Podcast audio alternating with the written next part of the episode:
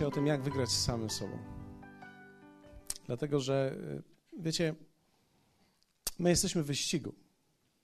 My jesteśmy w wyścigu wszyscy. I tak naprawdę życie zawsze zaangażuje nas w wyścig. No takie jest życie po prostu. Życie jest takie, które, gdzie, gdzie patrzymy naokoło, oczywiście ludzie odpadają w różnych kwestiach, w różnych sytuacjach, ale, ale wyścig jest naturalną częścią naszego życia. Najbardziej popularny to wyścig szczurów. Najbardziej smutny. Najbardziej najbardziej zaludniony. Ale kiedy Bóg przychodzi do naszego życia, On również motywuje nas do wyścigu. Bóg, przychodząc do naszego życia, On nie motywuje nas do przeczekania do nieba. Kiedy On przychodzi do naszego życia, On nie przychodzi tylko po to, żeby nas uspokoić w życiu, żebyśmy jakoś przeszli to życie, ale On motywuje nas do pewnego szczególnego wyścigu. I myślę, że o tym wyścigu chciałbym mówić przez najbliższe kilka spotkań. Ponieważ ja wierzę w to, że ten wyścig jest celem każdego z nas też. W liście do Hebrajczyków w 12 rozdziale, w dwóch pierwszych wersetach czytamy takie słowo. Przeto i my, mając około siebie tak wielki obłok świadków, złożywszy z siebie wszelki ciężar i grzech, który nas usidla, biegnijmy wytrwale w wyścigu, który jest przed nami. Czyli jest jakiś rodzaj wyścigu. Autor listu do Hebrajczyków mówi, że Bóg wprowadza nas w ten wyścig. I przeto i my, mając około siebie tak wielki obok świadków, tutaj, kiedy czytamy grecki tekst, on pokazuje nam e, tak naprawdę stadion. I ci, którzy biegli w długim maratonie, końcówkę odbywają na stadionie. Więc chciałbym, żebyście ujrzeli ten obraz, który rysuje nam list do Hebrajczyków. Przez ostatnie dwa tysiące lat ludzie, którzy rodzili się na nowo i mieli tą okazję, brali udział w pewnym wyścigu, który został gdzieś rozpoczęty, i ten wyścig biegł przez różne miejsca, przez różne trudne miejsca, gdzie nie było za dużo widowni. Tymczasem my stajemy się coraz bardziej tym pokoleniem, które kończy ten bieg. I wiecie, nikogo nie chcę straszyć końcem świata, ponieważ to nie o to tutaj chodzi. Ale chodzi tutaj o wypełnianie się woli Bożej w naszym życiu. Jesteśmy pokoleniem, gdzie wszystko przyspiesza i jesteśmy pokoleniem, które ma o wiele większy obłok świadków. Inaczej mówiąc, stadion jest już pełny i ci, którzy biegli przed nami, to nie są ci, którzy nie biegli, to nie są tylko widzowie, ale to są ci, którzy biegli i oni zasiedli w swoich miejscach na stadionie i teraz oni dopingują Tobie i dopingują nam. Dlatego ten autor pisze to w ten sposób, przeto i my, a więc z tego powodu, że my mamy wokół siebie na tych wspaniałych arenach tak wielki obłok, tak wielki tłum tych, którzy przed nami biegli, my jesteśmy tymi, którzy wpadają na stadion i złożywszy z siebie wszelki ciężar i grzech, który nas usidla, biegnijmy wytrwale, z, całym, z całą siłą w wyścigu, który jest przed nami, albo można powiedzieć w tej trasie, która jest przed nami. Wiecie, tak to jest w tych sztafetach, że na końcu zostawia się najszybszego biegacza. Więc chciałbym Ci pogratulować, bo przez niebo zostałeś wybrany jako ten, który najszybciej będzie biegł, który zdobył cały obszar i całe dziedzictwo objawienia, którego wcześniej nie było. Wierzcie mi, przez lata to objawienie kapało. Dzisiaj my mamy do czynienia z wiedzą i zrozumieniem Królestwa Bożego, jakiego nigdy wcześniej nie mieliśmy, i my otrzymaliśmy dziedzictwo, którego wcześniej nie było, dlatego możemy biec szybciej niż ktokolwiek. Jeszcze w latach 1800, weźmy troszkę wcześniej, te wszystkie sztafety, które były wcześniej, 1500, 1400, 1600, jedna prawda i zwalczana przez 200 lat, 300 lat. Później tak naprawdę kolejna prawda, prawda o usprawiedliwieniu, później prawda o chrzcie, później prawda o chrzcie w Duchu Świętym, później prawda o charyzmatach, później prawda o wierze, później prawda, i to jest prawda dzisiaj o Królestwie, o tym, że Bóg zbiera swoje żniwo w ostatnim czasie i te żniwo to nie są zwierzęta, to nie jest świat, to są ludzie. I my jesteśmy tym pokoleniem, które wystartowało i wbiegamy na stadion. I tak wielu, którzy biegli przed nami, dopingują nam. I my biegniemy w wyścigu, który jest przed nami.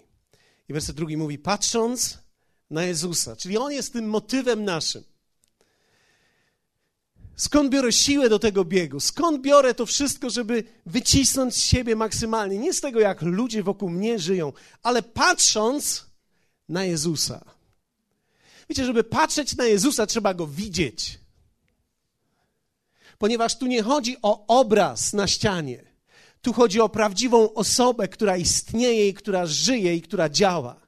Patrząc na Jezusa, patrząc, co On czyni, patrząc, czego On dokonał, patrząc, jaki jest Jego znak, patrząc, jaka jest Jego postać, widząc Jego wszędzie, w każdym wymiarze życia, patrząc na Niego, to mnie i Ciebie motywuje, aby biec w tym wyścigu do końca. Na Jezusa, sprawcę i dokończyciela wiary, czyli tego, który rozpoczął w nas coś, on również też dokończy. Więc my nie biegniemy sami. My nie biegniemy sami i nie wyciskamy sami z siebie tylko, ale my biegniemy Jego mocą, Jego siłą. Wiecie, Jezus zwyciężył dla mnie i dla ciebie, abym ja mógł wygrać z samym sobą. Ponieważ niektórzy ludzie mogą zapytać, no dobrze, ale z kim ja się ścigam, skoro jest to wyścig, to z kim ja się ścigam? Z kim ja się ścigam? Z kim jestem w zawodach? Z samym sobą. Od momentu, kiedy się narodziłeś na nowo, zostałeś wpuszczony w wielki, cudowny, najwspanialszy wyścig w życiu, który będziesz miał.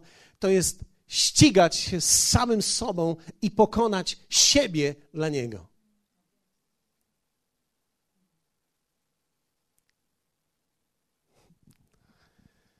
Ktoś może powiedzieć, no dobrze, ale ścigam się z sobą, bo co? Dlatego, że widzisz, jeśli nie pójdziesz w tym wyścigu, pozostaniesz takim, jakim zawsze byłeś. Ale słowo daje obietnicę Tobie, że Ty zostałeś powołany przez Boga, aby stać się kimś, kim jeszcze dzisiaj nie jesteś. Czyli masz przejść pewien rodzaj transformacji, która doprowadzi cię do miejsca, o którym apostoł Paweł w liście do Rzymian, jak również Jan w swoim liście pisze, abyśmy byli podobni do Niego. Więc ja ścigam się z sobą, aby porzucić mój własny obraz i aby to, co jest we mnie, wyprzedziło starego mnie i abym, kiedy dobiegnę, dobiegł podobny do niego, a nie podobny do siebie. Kiedy dobiegnę do mety, nie chcę dobiec jako Paweł Godawa, stary ale chcę dobiec jako syn Boga żywego. Podobny do tego, który jest pierworodnym spośród wielu braci. Inaczej mówiąc, kiedy ja przebiegnę metę, chcę być podobny do Niego, nie do starego siebie. A więc jestem w wyścigu. Możecie sobie to wyobrazić? To jest tak, że ja biegnę I nowy człowiek, który powstał we mnie, on też biegnie. I teraz ten nowy musi wyprzedzić tego starego. Jesteście ze mną? Czyli to, co jest nowe, oglądaliście dużo filmów science fiction, możecie sobie to wyobrazić. To, to nowe, to nowe, które we mnie powstało, nagle wyobraźcie sobie, wychodzi ze mnie, ja biegnę, ono prześciga mnie. Ja ścigam się. Mój, mój stary umysł, który utrzymuje jeszcze w starym naczyniu, w moim grzesznym ciele, mój stary umysł, chce pochwycić moją nową naturę i prześcignąć ją, a moja nowa natura z moim nowym umysłem biegnie i chce biec coraz szybciej. Wiecie, to zajmuje trochę czas, żeby to oddzielić i żeby to zaczęło biec szybciej. Ja jestem w wyścigu z samym sobą. Są pewne rzeczy, które nie powinny się zmienić. Nie powinna się zmienić pasja, żarliwość, gorliwość, radość albo w zasadzie radość powinna się pomnażać. Im bardziej żyję nowym, tym bardziej, tym więcej radości jest w moim życiu. A więc nie mogę już mówić o sobie, jestem po prostu ja stary. Aż taki mam temperament, po prostu smutny jestem. Zawsze taki byłem. Ale jestem w nowym. Ścigam się z samym sobą. Powiedzmy to razem, ścigam się z samym sobą. Wiecie, często poczucie wartości czerpiemy z tego, co jest naszym zwycięstwem w porównaniu z kimś. Ludzie tak żyją. Więc ścigają się z ludźmi. Dwóch przyjaciół ściga się w karierze. Kto zajdzie wyżej? Kto będzie miał więcej? Co za wielkie zwycięstwo, kiedy możesz powiedzieć: Mam więcej niż mój kolega. Straszne. To poczucie wartości czerpiemy często z miejsca, do którego dobiegamy w porównaniu z innymi ludźmi. Tymczasem przypowieści 16:32 mówią do nas tak. Wiecie, ja w tej chwili kładę pewnego rodzaju fundament na temat wyścigu i zaraz pójdziemy dalej. Jesteście gotowi ze mną? Więcej jest wart cierpliwy niż bohater. A ten, kto opanowuje siebie samego, więcej znaczy niż zdobywca miasta. Czyli teraz Słowo Boże pokazuje nam wyraźnie, że człowiek, który potrafi prześcignąć siebie, jest większy od tego, który pokonuje miasto w bitwie jest większy od tego, kto staje się popularny, kto jest na top listach. Jest większy od tego, kto jest popularny w oczach świata. Jest większy od tego, który ma wielki majątek. Bóg nie ma nic przeciwko majętności. Majętność jest przymierzem, które On zawarł z nami ale to nie w niej jest nasza tożsamość i nie w niej jest nasze zwycięstwo. Nasze zwycięstwo jest w pokonaniu samego siebie, wygraniu z sobą samym. Apostoł Paweł miał pewien cel i coś w życiu powodowało również w nim bieg. I on mówi w dziejach apostolskich takie, takie słowa: Lecz o życiu moim mówić nie warto i nie przywiązuję do niego wagi bylebym tylko dokonał biegu i służby. I teraz zwróćcie uwagę, to jest bardzo ciekawe, ponieważ on oddziela bieg i służbę. Czyli służba nie jest biegiem. Służba wynika z biegu. Innymi słowy, ja mogę więcej służyć, kiedy więcej w biegu zwyciężam. Kiedy mój nowy wyprzedza mojego starego, mogę służyć nowością. Apostoł Paweł mówi o biegu, w którym on jest, o wyścigu, w którym on jest.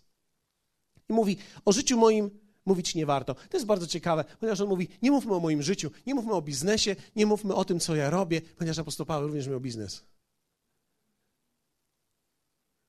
Momentami wracał do tego biznesu i zajmował się tym biznesem. A on mówi, gdzieś mieszkał, gdzieś wynajmował, gdzieś posiadał coś. Ale wiecie, on mówi, o moim życiu nie warto mówić. I nie przywiązuje do niego wagi. Inaczej mówiąc, to są rzeczy drugorzędne. Bylebym tylko, inaczej mówiąc, to, co jest najważniejsze, to jest mój bieg. To jest bieg, który rozpocząłem i to jest wyścig z samym sobą. I kiedy, kiedy zwrócicie uwagę, e, jak apostoł Paweł szczególnie pisał o sobie w liście do Koryntian, to zobaczycie, że tak naprawdę on opisywał siebie w kontekście biegu cały czas i opisywał siebie jako tego, który porzucił to, co jest stare i chwyta tego, co jest nowe, to, co jest przed nim. Więc apostoł Paweł miał pasję, aby chwycić to, co jest przed nim, to powołanie, ten obraz, który Bóg wymalował jego i on nie zgadzał się z tym, co było wcześniej, więc to nowe, które w nim było, wyszło z niego i ścigało się, aby pochwycić to, co jest przed nim podobieństwo do Syna Bożego. Dlatego ten czas na ziemi jest tak ważny. Dlatego nie mogę go zmarnować. Ponieważ muszę stać się podobny. Kiedy podobny stawać się jeszcze mogę. Nie chciałbym pójść do nieba i zadziwić się wszystkim. Chciałbym już część tego zażyć tutaj. Tego rodzaju życia, który został mi dany. W drugim do Tymoteusza apostoł Paweł znowu mówi tak: Dobry bój bojowałem, biegu dokonałem. Czyli w którymś momencie życia, pod koniec swojego życia mówi: Dobiegłem. I kiedy mówi dobiegłem, on nie powiedział: Dorobiłem się. On nie powiedział: W końcu mam Hondę albo Q7. Nareszcie jestem boss. Nareszcie mam firmę, 16 oddziałów.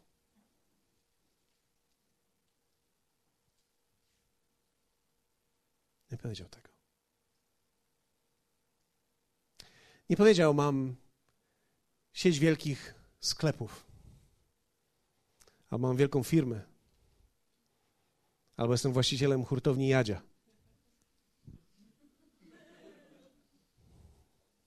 No może prorocze jest, nie wiem. Kiedy spojrzał na mnie i, i skomentował proroctwo tak.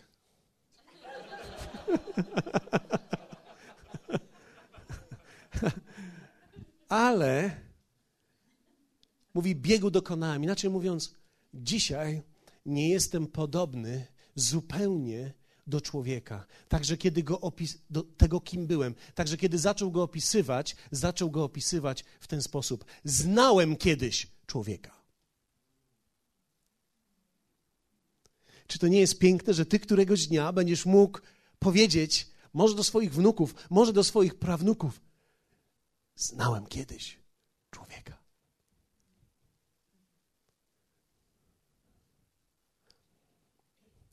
Znałem kiedyś człowieka. Tego człowieka już dawno nie ma. To, co jest tutaj, to jest tylko nowy człowiek w starym jeszcze odzieniu, które będzie odnowione. Więc nie patrz na moje zmarszczki. Nie patrz na moje obwisłe mięśnie. Ale spójrz na to nowe, które jest we mnie w środku. Znałem kiedyś człowieka. Jestem dzisiaj zupełnie do niego niepodobny. Biegnę, aby stać się tym wszystkim, kim On zaplanował dla mnie. Biegnę, aby być podobnym do Niego. Halleluja. Jesteście ze mną?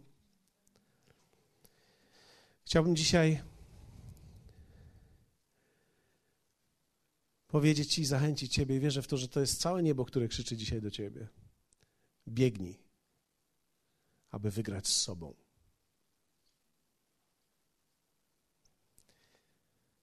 Biegnij, aby wygrać z sobą. Największy komplement życia, jaki możesz kiedykolwiek otrzymać, to jest to, że wiesz, znałem Cię kiedyś, ale dzisiaj zupełnie jesteś niepodobny do tej osoby. Widzę, jak Chrystus został wymalowany w Tobie. I jesteś tak jakby kształtu Jego. I masz Jego charakter. Nie masz tylko Jego postaci, ale masz Jego charakter. Biegnę, aby wygrać z sobą. Powiedzmy to razem. Biegnę, aby wygrać z sobą. Pomyślałem dzisiaj, że jeśli rozumiemy ten bieg, to musimy też rozumieć, co może mnie zatrzymać w tym biegu. Ponieważ jeśli nie ścigam się z ludźmi, to co może być we mnie, co może mnie zatrzymać? I dzisiaj chciałbym, żebyśmy spojrzeli na tą jedną rzecz, za tydzień spojrzymy na drugą, ale jest dzisiaj coś ważnego, co, czego musimy dokonać. To, co zatrzymać Ciebie może i co najczęściej zatrzymuje, i to szczególnie ludzi wierzących, ale również ludzi, którzy jeszcze do Chrystusa nie dotarli. To jest nieprzebaczenie. Wiecie, każdy z nas żyje w niedoskonałym świecie. Ktoś z Was urodził się w doskonałym? Nie. Każdy z nas żyje w niedoskonałym świecie i z niedoskonałymi ludźmi i w niedoskonałych okolicznościach. Mogłeś mieć wspaniałych rodziców, ale nie byli doskonali.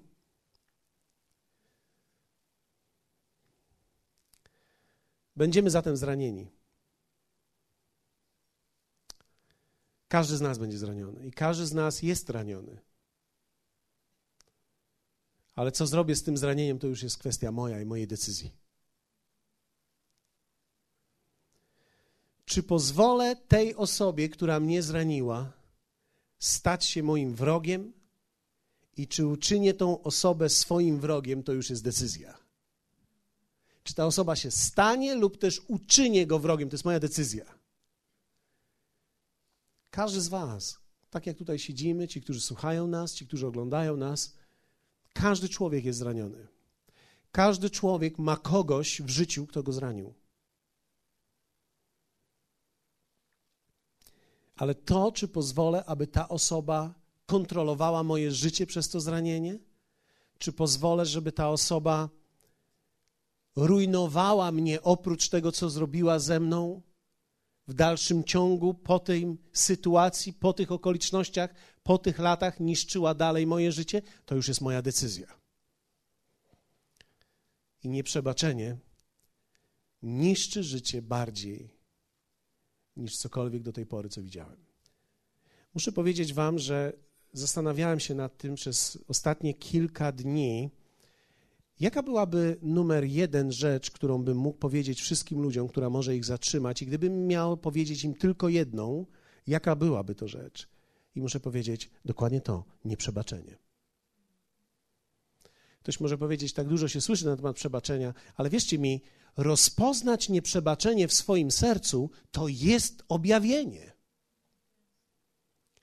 Dlatego, że czasami nam się wydaje, że wszystko jest w porządku, tylko dlatego, że nabraliśmy pewnej skorupy, na, narosło coś już i to już nas w tym momencie nie boli, ale problem nie jest rozwiązany. I ponieważ problem nie jest rozwiązany, to dalej wpływa na moje życie, ale ja już po prostu tego nie czuję. Czyli istnieje możliwość, że człowiek nie odczuwa już zranienia i nie odczuwa nieprzebaczenia. Nieprzebaczenie musi być objawione, ponieważ przychodzi to tak naprawdę jako informacja z nieba do Twojego serca, aby uwolnić Ciebie. Wiecie, ja spotykałem się z ludźmi, którzy ewidentnie byli zranieni i ewidentnie żyli w nieprze, nieprzebaczeniu i zapierali się tego. Czyli to nie jest takie oczywiste. Okazuje się, że to jest sztuka przyjąć to, że zostałem zraniony, że nagle mam zgorzknienie, że nagle mam nieprzebaczenie i że to drąży i niszczy moje życie. To jest objawienie.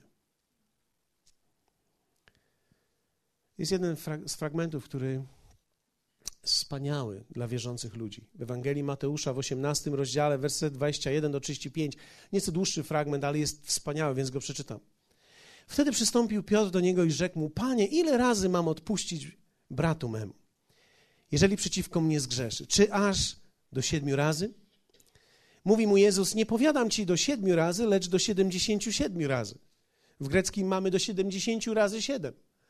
Więc to też troszkę inna matematyka jest, ale tu nie chodzi czy 77, czy 490. W każdym razie Jezus powielił to razy 7 albo razy 70. Dlatego Królestwo Niebios, spójrzcie, dlatego Królestwo Niebios podobne jest do pewnego króla, który chciał zrobić obrachunek ze sługami swymi, a gdy zaczął robić obrachunek, przyprowadzono mu jednego dłużnika, który był mu winien 10 tysięcy talentów.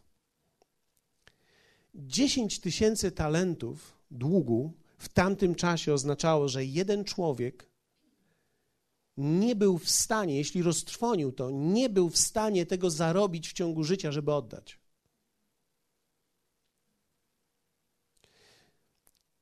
Wiecie, tego typu majątek gromadziło się przez wiele pokoleń i musiało być wielu bogatych, którzy pomnażali majątek, i on wziął taką pożyczkę i zmarnował to. Nie wiemy jak, ale wiadomo było, że w momencie, kiedy człowiek stracił 10 tysięcy talentów, za życia nie było takiej pracy, którą mógłby wykonać, żeby te pieniądze zarobić. Więc jest w sytuacji patowej, bez wyjścia. I teraz zobaczcie. A ponieważ nie miał z czego oddać, kazał go pan sprzedać wraz z żoną i dziećmi i wszystkim, co miał, aby dług został spłacony. Wtedy sługa padł przed nim, złożył mu pokłon i rzekł: Panie, okaż mi cierpliwość, a oddam ci wszystko, co było niemożliwe.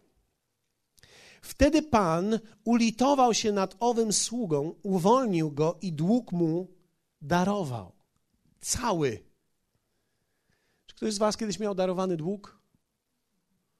Większość z nas przez mamę.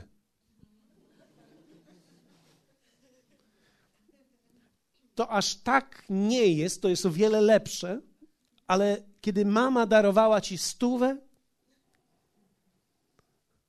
to to jest takie poczucie. Ktoś z Was miał kiedyś podarowaną pieniądze przez mamę? Wszedłeś już, no, mamo, wiesz, sprawy, rozumiesz? Ile? Kochany, no dzisiaj mam stówkę. Mamo, dzięki. No. Jutro ci oddam. Za tydzień się widzisz. Mamo, ta stuwa, wiesz, o, nie ma sprawy, ja sobie poradzę, nie musisz mi oddawać. O, dziękuję. Oczywiście, że liczyłeś na to. Miałeś taką nadzieję. I, i stał się cud. Bo to było całkiem przyjemne. Ja, wiecie, nie każdy ma taką mamę. Ja nie mówię, że taka jest twoja mama, ale zdarzają się takie mamy. Jak widać po tych, którzy podnieśli ręce, to jest kilka mam, które coś darowały w życiu. Tutaj mówimy o obcym człowieku, który podarował komuś coś, co jest po prostu nieprawdopodobnie wielkie. To mówi wiele o tym człowieku. Bardzo wiele. Prawdopodobnie mówi to, że ludzie nie będą moim źródłem. Mam miłosierdzie. Wtedy Pan ulitował się nad owym sługą, uwolnił go i dług mu darował. A gdy ów sługa wyszedł, spotkał jednego ze swoich współsług, który był mu winien sto denarów. I pochwyciwszy, dusił go, mówiąc: Oddaj coś winien. Wtedy współsługa jego, padłszy na kolana, prosił go, mówiąc: Okaż mi cierpliwość, a oddam ci wszystko. No porywczy był, prawda? Tamten chciał go sprzedać, a ten od razu dusił. A oddam ci wszystko, co było możliwe. On jednak nie chciał, lecz odszedł i wtrącił go do więzienia, dopóki nie odda długu. A współsłudzy jego, widząc to, co zaszło, zasmucili się bardzo i poszedłszy opowiedzieli panu swemu wszystko, co się stało. Wtedy przywołał go pan jego i rzekł mu, sługo zły, wszystek tamten dług darowałem ci, boś mnie prosił. Czy i ty nie powinieneś był zlitować się nad współsługą swoim, jak i ja zlitowałem się nad tobą? I rozgniewał się Pan jego i wydał go katom, żeby mu oddał cały dług. Taki Ojciec mój niebieski uczyni wam, jeśli każdy nie odpuści z serca swego bratu swemu. Wiecie, jest to niesamowite, ponieważ ten fragment mówi mi, i, i tutaj mówię już do tych, którzy swoje życie oddali Jezusowi. Ten fragment mówi mi, że został mi darowany dług, którego zapłacić nie mogłem. Nie wiem, czy ktoś z Was uświadomił sobie to kiedyś, ale jeśli nie, warto jest po chwilę pomyśleć o tym. Jezus zapłacił za ciebie dług, obciążający cię list dłużny, tak jak apostoł Paweł opisuje to w liście do Kolosan w drugim rozdziale. On zapłacił całkowicie coś, czego ty nie byłbyś w stanie zapłacić za swojego życia. I on to wziął i zmazał i uwolnił ciebie. Czy to nie jest cudowne poczuć się wolnym od grzechów? Wiecie, wolnym od tego, co popełniłem, wolnym od tego, co popełniam i wolnym od tego, co popełnię, ponieważ okazuje się, że to, co Jezus zapłacił, wykracza poza poza moją przeszłość, to nawet wkracza w moją przyszłość. On zapłacił za wszystko. Jestem wolny od grzechu. Nigdy nie będę już z tego powodu osądzony. Została zapłacona wystarczająca cena na krzyżu i ja zostałem wolny.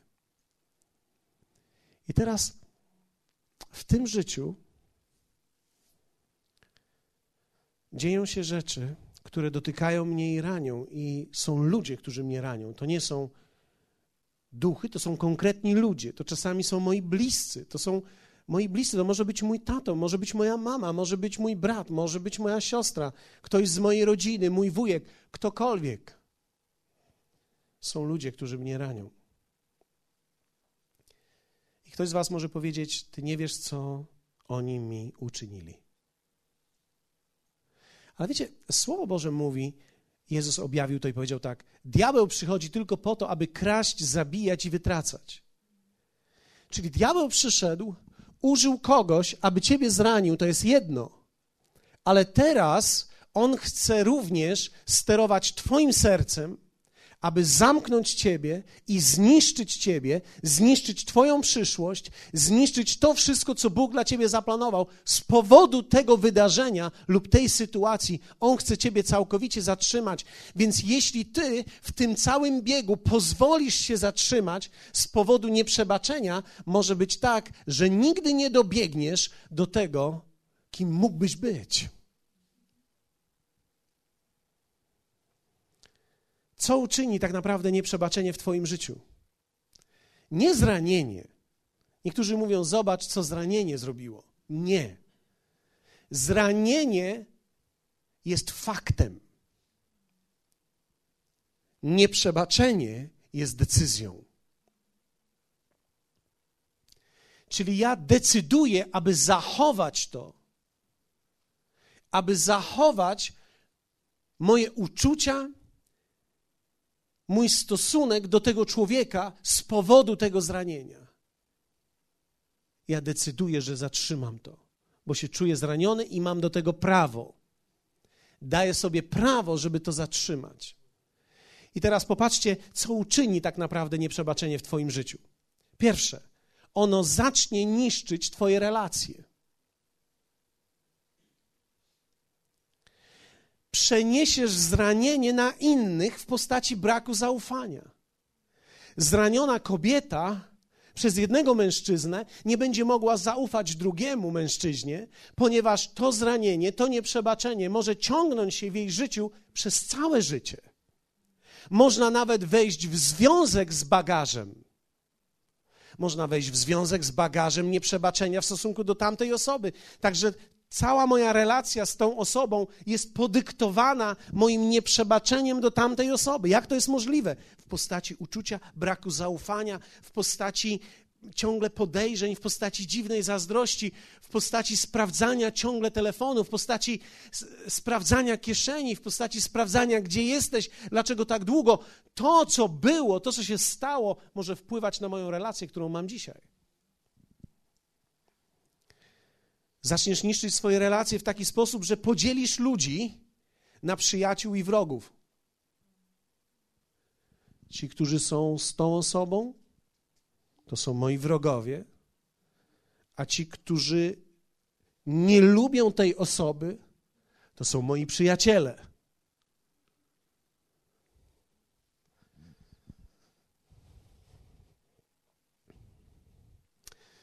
Wiecie, my bawimy się przy tych filmach, ale mamy wiele filmów o podziałach. Tak? Wszyscy znamy, że lepszy jest swój wróg niż cudzy wróg. Czyli my nawet będziemy podążać za swoim wrogiem, bo, lepszy, bo, bo my go znamy, wiemy jak go kontrolować. Podzielisz ludzi na przyjaciół i wrogów, a tak naprawdę masz tylko dwóch wrogów w życiu. To jest diabeł, który jest pokonany. Jeszcze raz to powtórzę. Diabeł, który jest pokonany. Jezus pokonał diabła. Więc kiedy ty jesteś w Chrystusie, jesteś zwycięzcą nad diabłem i nad jego dziełami. I drugi wróg to jest Twój stary sposób myślenia, który możesz pokonać poprzez przemianę myślenia w tym słowie. Powiedzmy razem: Mam tylko dwóch wrogów. I żaden człowiek nim nie jest. Nawet ty sam nie jesteś swoim wrogiem. Ty nie jesteś swoim wrogiem. Twoje myślenie jest twoim wrogiem. Dlatego nigdy nie garć sobą za to, co źle robisz. Bo zgodnie ze słowem, ty nie możesz nic źle robić. Twój umysł motywuje tylko Twoje stare ciało w dalszym ciągu, ale to można przerwać. Dobrze. Dobrze. Zacznie niszczyć Twoje relacje. Drugie co nieprzebaczenie uczyni w Twoim życiu, zacznie niszczyć Twoje emocje. Nieprzebaczenie powoduje stres, ciągłe poczucie napięcia. Poczucie napięcia w obecności kogoś, komu nie przebaczyłeś. Często takie rzeczy są w rodzinach. Więc jednym z najtrudniejszych elementów życia to są spotkania rodzinne. I najtrudniejszy element jest wtedy, kiedy jesteśmy ze sobą wystarczająco już długo, aby przejść z kurtuazji do miejsca, kiedy zaczynamy być szczerzy. I kiedy zaczynamy być szczerzy, zaczynamy wyrzucać siebie. W polskiej tradycji wódka pomaga nam. Więc pomaga nam, żeby być szczerymi. Więc mniej więcej po kilku godzinach imprezy rodzinnej mamy już właściwie określone opozycje. Spotkaliśmy się ze względu na Chrystusa, na przykład Wigilię, i rozchodzimy się z powodu naszych nieprzebaczeń, które przez całe lata trzymamy w sobie. I tak naprawdę kilka procent wystarczy, żeby je ujawnić. I my zdepczemy sianko i opłatek żeby swoje wyrównać.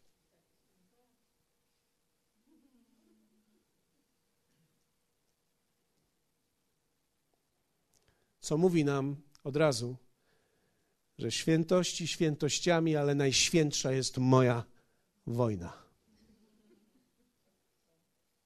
To nam mówi, co jest najważniejsze dla nas i coś, co najbardziej cenimy. Ale to zniszczy nasze emocje. To sprawia, że kiedy jedziesz do rodziny i masz kogoś odwiedzić, Dzień dobry, dzień dobry. Jaka zupa grochowa. Mm. Zrobiłam długie. O mój Boże, będziemy dłużej siedzieć. Dlatego niektórzy ludzie odwiedzają się, chcą być krótko ze sobą. Nieprzebaczenie będzie burzyć Twoją harmonię w Tobie. Dlatego, że my pamiętamy o zranieniu, a ta pamięć nas męczy. Dlatego jedziesz samochodem i zaczynasz dyskutować z tym kimś, kogo nie ma. Najpierw w sobie. A jak się nie obejrzysz i nie słuchasz niczego, zaczynasz mówić: Ja ci mówiłem, że tak nie jest. Najgorzej, jak stoisz na światłach.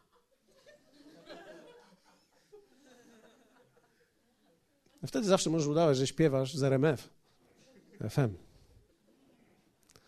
Ale tak jest. To zaczyna burzyć Twoją harmonię. To są męczące myśli, które mamy, które przychodzą do nas. Nie chcesz o tym myśleć, a myślisz o tym. Czy ktoś z Was kiedyś miał problem z zasypianiem? Jak wielu z Was zauważyło, że kiedy masz problem z zaśnięciem, to nie myśli spokojne powodują niemożliwość zaśnięcia, ale te, które cię męczą. Czyli nasz organizm, nasze życie, nawet psychiczne, to emocjonalne, jest takie, że my powracamy. To jest troszeczkę tak jak krowi żołądek. Wybaczcie za może to porównanie, ale rzeczy, które były, one się cofają. I my je znowu mielimy. Mielimy rozmowy, mielimy spotkania. I mówię, no dobrze, było, to już było, było. I no tak jest chwilę i znowu wraca. I znowu. A on powiedział to. Nie, nie, on tak nie Słyszałaś, co on powiedział? Może rozmawiasz ze swoją... Słyszałaś, co on powiedział? Mój sąsiad, co mi powiedział? Co powiedział twój sąsiad? To było już godzinę temu. Ja nie wiem, co powiedział twój sąsiad. Ale jak nie słyszałeś, co on powiedział? On powiedział coś. Wiecie, my nosimy. To powoduje dysharmonię w nas. Stajesz się nerwowy i zaczynasz chorować fizycznie. Jedną z przyczyn chorób fizycznych jest nasz stan emocjonalny. Nic dziwnego, że cię boli głowa, jak non-stop myślisz, że umrzesz. Bo cię boli w lewym boku, a jak bolało twoich przodków w lewym boku, to było źle i oni umierali od lewego boku. I teraz ciebie boli w lewym boku i nie tylko boli cię w lewym boku, myślisz o tym, teraz boli cię jeszcze głowa, myślisz sobie, ja już mam przerzuty. A już nie tylko mnie boli w lewym, mam w głowie problem.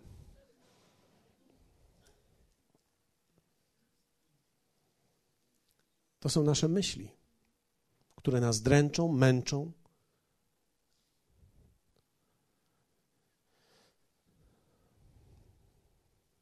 Trzecie, co uczyni nieprzebaczenie w Twoim życiu? Zacznie niszczyć Twoją efektywność. będziesz się stawać coraz bardziej zamknięty. Ludzie, którzy bardzo przeżywają zranienie, stają się coraz bardziej zamknięci. Zamiast prawdziwej owocności będziesz próbował całe życie coś udowodnić. Może nawet będziesz próbować udowodnić osobie, na, której na tobie nie zależy. Wiecie, że można chcieć udowodnić ojcu, mając 50 lat, a on ma 70?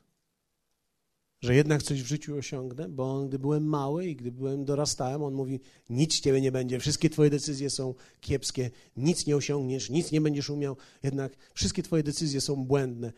I ponieważ to, co on mówił, miało takie olbrzymie znaczenie dla ciebie, jedyna rzecz, która cię w życiu motywuje, to jest udowodnić jemu, że będzie inaczej.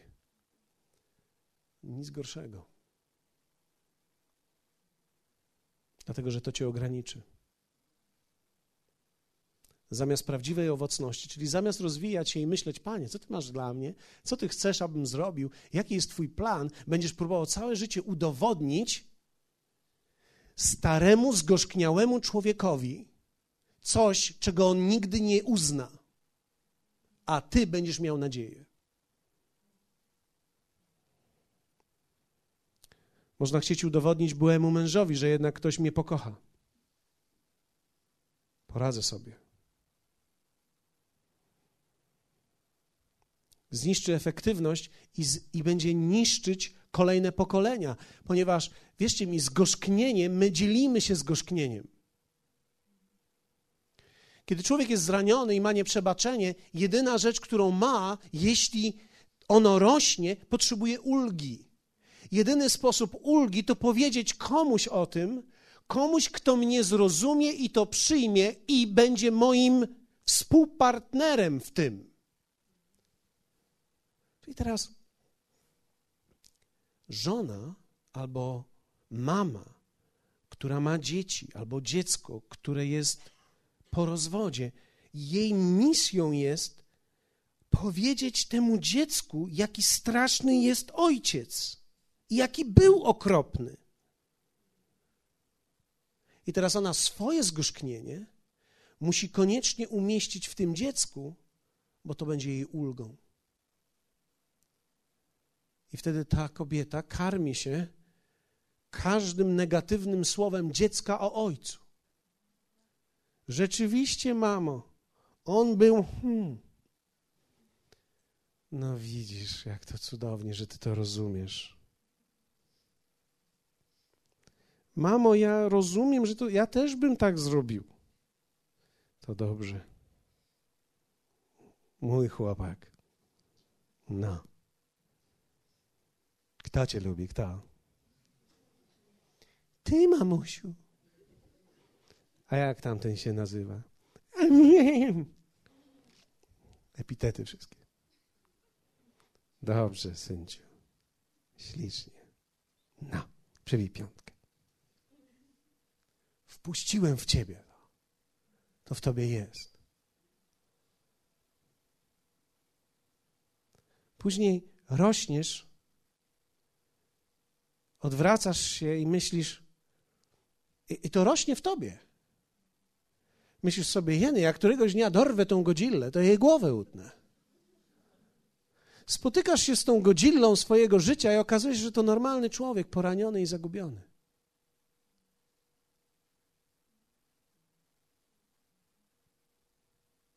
Myślisz sobie, to normalny człowiek, poraniony i zagubiony.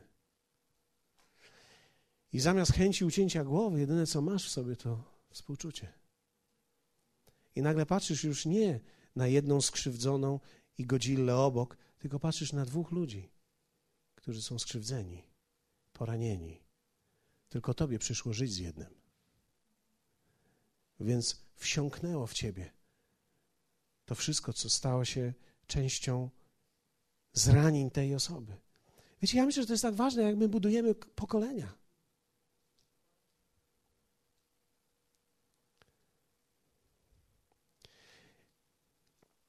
Ja nie chcę powiedzieć, że nie są to naturalne rzeczy. Naturalne w ciele, tak, ale nie dla nas. To są rzeczy, które mogą chcieć nas zatrzymać. Nie wiem, czy widzicie, ta sytuacja, te wydarzenia, wydarzenia z mojego dzieciństwa mogą sprawić, wydarzenia z mojej nawet nie dzieciństwa, z mojego dorosłego życia, tragiczne sytuacje mogą sprawić, że to mnie zatrzyma i nigdy nie stanę się tym kimś, kim Bóg chciał, żebym się stał, ponieważ to nieprzebaczenie, które było w moim życiu, ono mnie zatrzyma. Zatrzyma moją produktywność, zatrzyma moją efektywność, zniszczy moje emocje, będę nie do użytku emocjonalnie, będę chorował ciągle, zniszczy moje relacje, tak, że tak naprawdę będę miał tylko wrogów i kilku przyjaciół, a z tych kilku przyjaciół i tak będę podejrzewał, że kilku z nich to wrogowie. Więc całe życie w związaniu, żadnego otwarcia, żadnej przemiany, nic. To może mnie zatrzymać i potrzebuję objawienia, że to mam.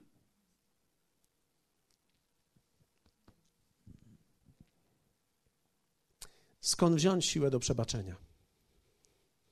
To jest najczęstsze pytanie. Chcecie wiedzieć?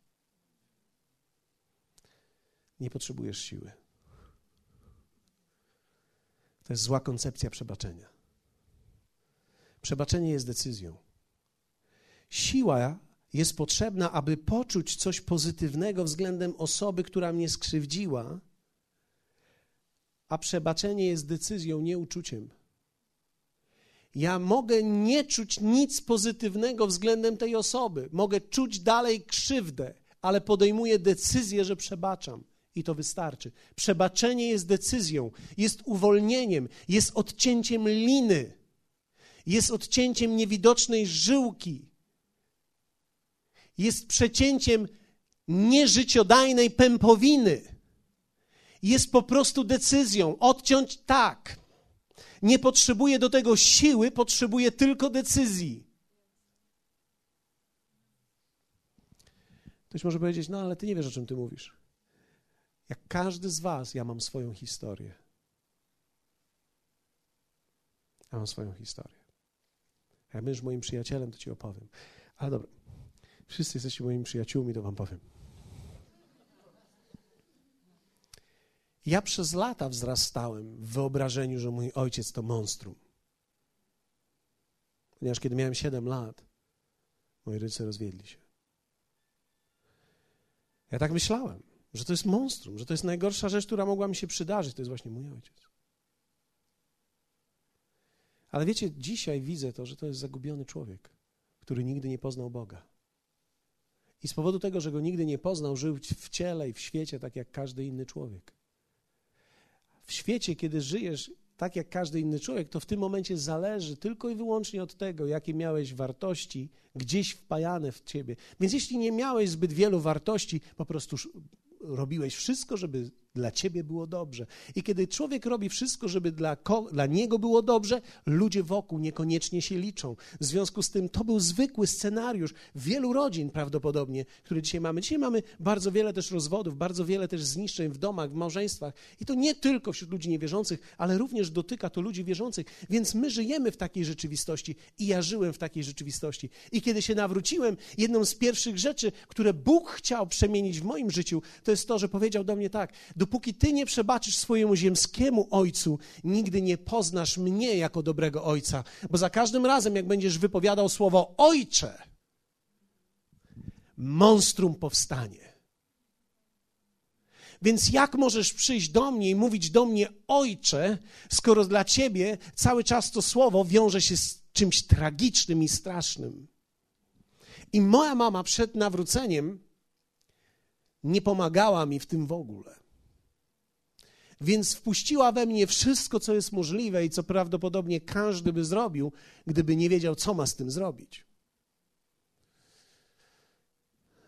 Więc ja musiałem dojść do miejsca, w którym przebaczam.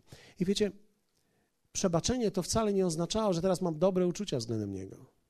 Będę z wami szczery. Nie mam żadnych oprócz współczucia. Myśmy nigdy nie żyli razem. Ja go po prostu nie znam.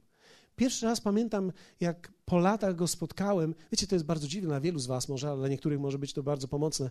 Po wielu latach, jak go poznałem i, i ktoś mi powiedział, to jest Twój tato, oczywiście ja mogłem to poznać, poznać go po twarzy, bo podobni jesteśmy trochę. Może nawet nie trochę. I, i ja nie wiedziałem, jak mam mówić do niego.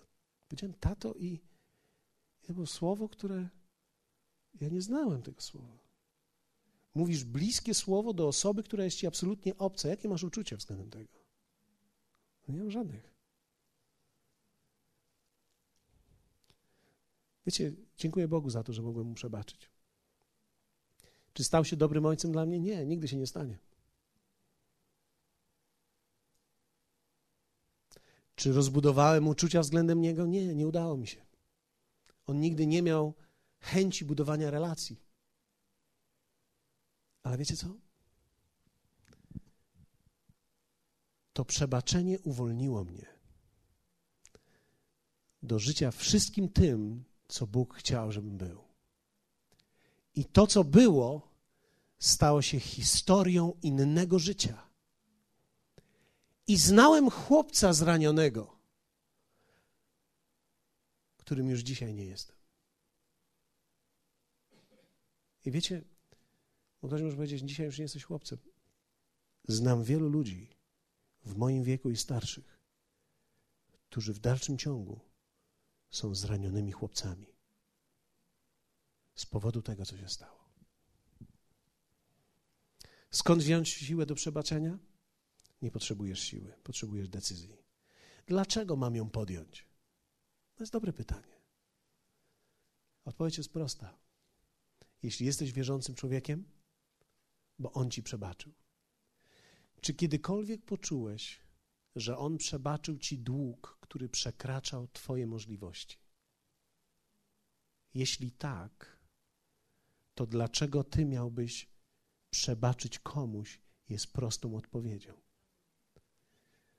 O, to jest takie proste przebaczyć komuś.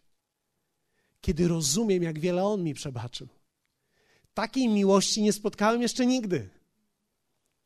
To, co poczułem, że On przebaczył mi wszystkie moje grzechy, że On przebaczył mi całą moją przeszłość, całą moją przyszłość, że On zawsze będzie mnie przyjmował, nigdy mnie nie odrzuci, to daje mi tak wielką siłę.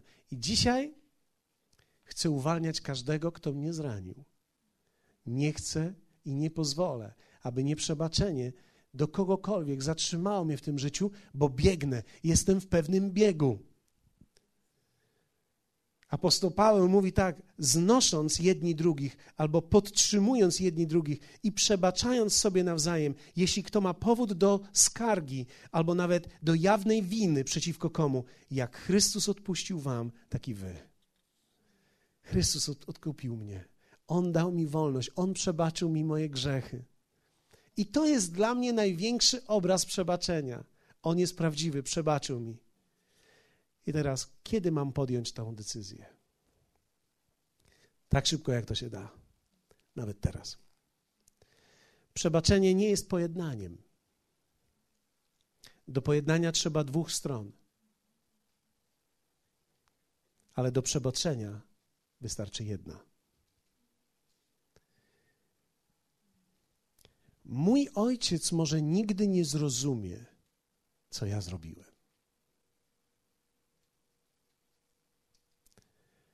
Ale ja podjąłem decyzję, że mu przebaczam. To może być Twój były mąż, Twój mąż, obecny mąż. Wiecie, zatrzymać nas może wszystko. Ale tak szybko, jak to jest możliwe, musimy podejmować decyzję o przebaczeniu. Ludzie, którzy cię zdradzili, ludzie, którzy źle mówili o tobie, to żaden problem. Wierzcie mi, żaden problem. Ja mam ludzi, którzy źle mówią o mnie. I niektórzy nawet mają powód ponieważ źle potraktowałem niektórych. Zdarzyło się czasami. Ktoś z Was jest doskonały? Ja bym chciał, żeby oni mi przebaczyli, ale ja przebaczam im teraz konsekwencje tego wszystkiego. Być może kiedyś się pojednamy. Wiecie, nawet, nawet, nawet mój szwagier jest tutaj dzisiaj tak? I wiecie, przez lata tak naprawdę dzieliło nas to, ponieważ on się czuł zraniony. Ja myślę, że mogę dzisiaj o tym mówić. On się czuł zraniony, ponieważ razem kiedyś byliśmy w oazie, myśmy odeszli. On poczuł się pozostawiony, zraniony, odrzucony. I przez lata to odczuwał. Ja odczuwałem to samo.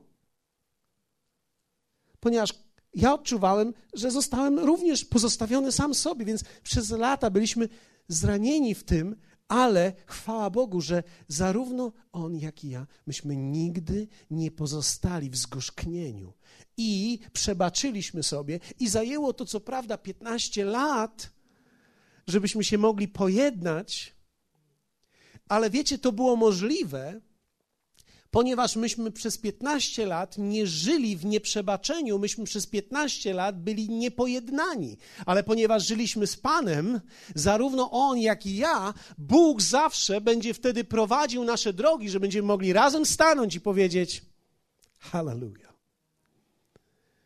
Przyszło nam iść kawałek naokoło. Ty szedłeś w jedną stronę góry, ja szedłem w drugą stronę góry, ale w końcu żeśmy się spotkali. Nie wiadomo, czy dalej będziemy szli razem. To nie ma znaczenia. Ważne jest, że między nami w sercu dzisiaj nic nie ma. Jedyną rzecz, którą chcę, to jest Jego dobra. I to jest coś, co zawsze chcieliśmy dla siebie nawzajem. Ale wiecie, przebaczenie i pojednanie to są dwie różne rzeczy. Przebaczenie jest decyzją. Pojednanie może być procesem. Dzisiaj to pojednanie mogło być możliwe. I to tak naprawdę już od czterech lat jest, tak? Pięć? Pięć lat. Pięć lat żyjemy w pojednaniu i zajęło to 15 lat, ten proces, ale od razu by żyliśmy w przebaczeniu, ponieważ nie moglibyśmy inaczej iść za Panem. Dlatego dzisiaj jest dzień, w którym Ty również możesz podjąć tą decyzję i odciąć niektóre niewidoczne rzeczy w Twoim życiu, te, które się stało. Postańmy razem. Tak szybko, jak tylko się da, nawet teraz. Przebaczenie nie jest pojednaniem. Do pojednania trzeba dwóch stron, ale do przebaczenia potrzeba jednej. Chciałbym, żebyśmy w tej chwili, każdy z nas, przez chwilę, ja wiem, że mamy, już dzisiaj jest późno, ale chciałbym prosić Ciebie przez te 15 sekund. Pomyśl, jak wiele Tobie zostało przebaczone. Nie koncentruj się teraz na zranieniach, ale pomyśl, jak wiele On przebaczył Ci.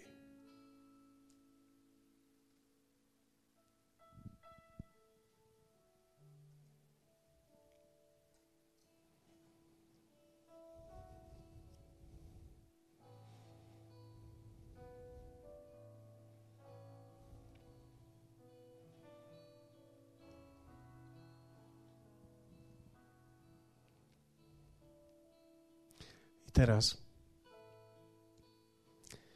jeśli jesteś dzisiaj gotowy, a chciałbym zachęcić Ciebie do tego, bo im szybciej odetniesz tą zatruwającą życie linię, tym szybciej powstaniesz wewnątrz.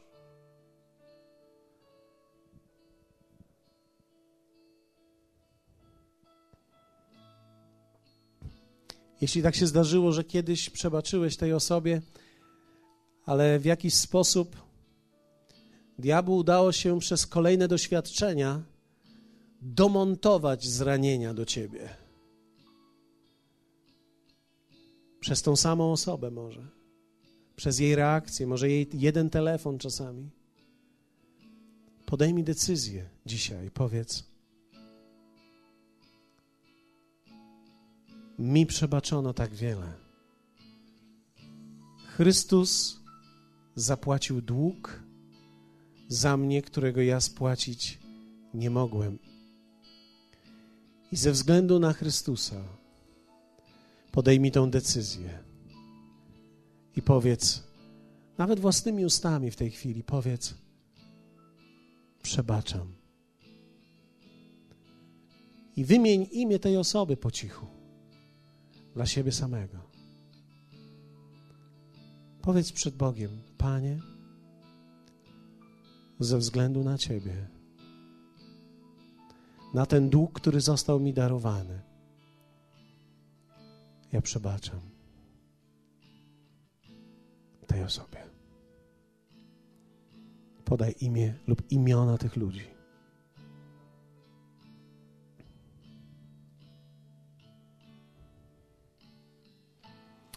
I powiedzmy wszyscy razem. Chciałbym, żebyśmy przez chwilę też znieśli razem ręce do, do, do Niego. W poddaniu. Powiedz, Panie, proszę Ciebie, abyś prowadził mnie ku pojednaniu.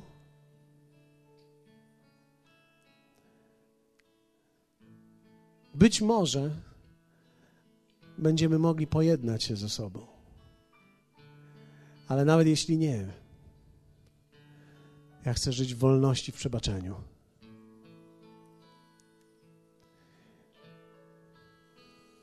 Proszę Ciebie, ulecz moje zranienia. Duchu Święty, wprowadź mnie w proces uzdrowienia. Dzisiejszego dnia wyznaję, że nie ma ani jednej osoby na tej ziemi, której bym nie przebaczył. Nic nie powstrzyma mnie w tym biegu. Zmierzam do celu, do nagrody w górze, do której to zostałem powołany w Chrystusie. Zmierzam do tego, aby to wszystko, kim On chciał, abym ja się stał, mogło się zrealizować. Biegnę w wyścigu.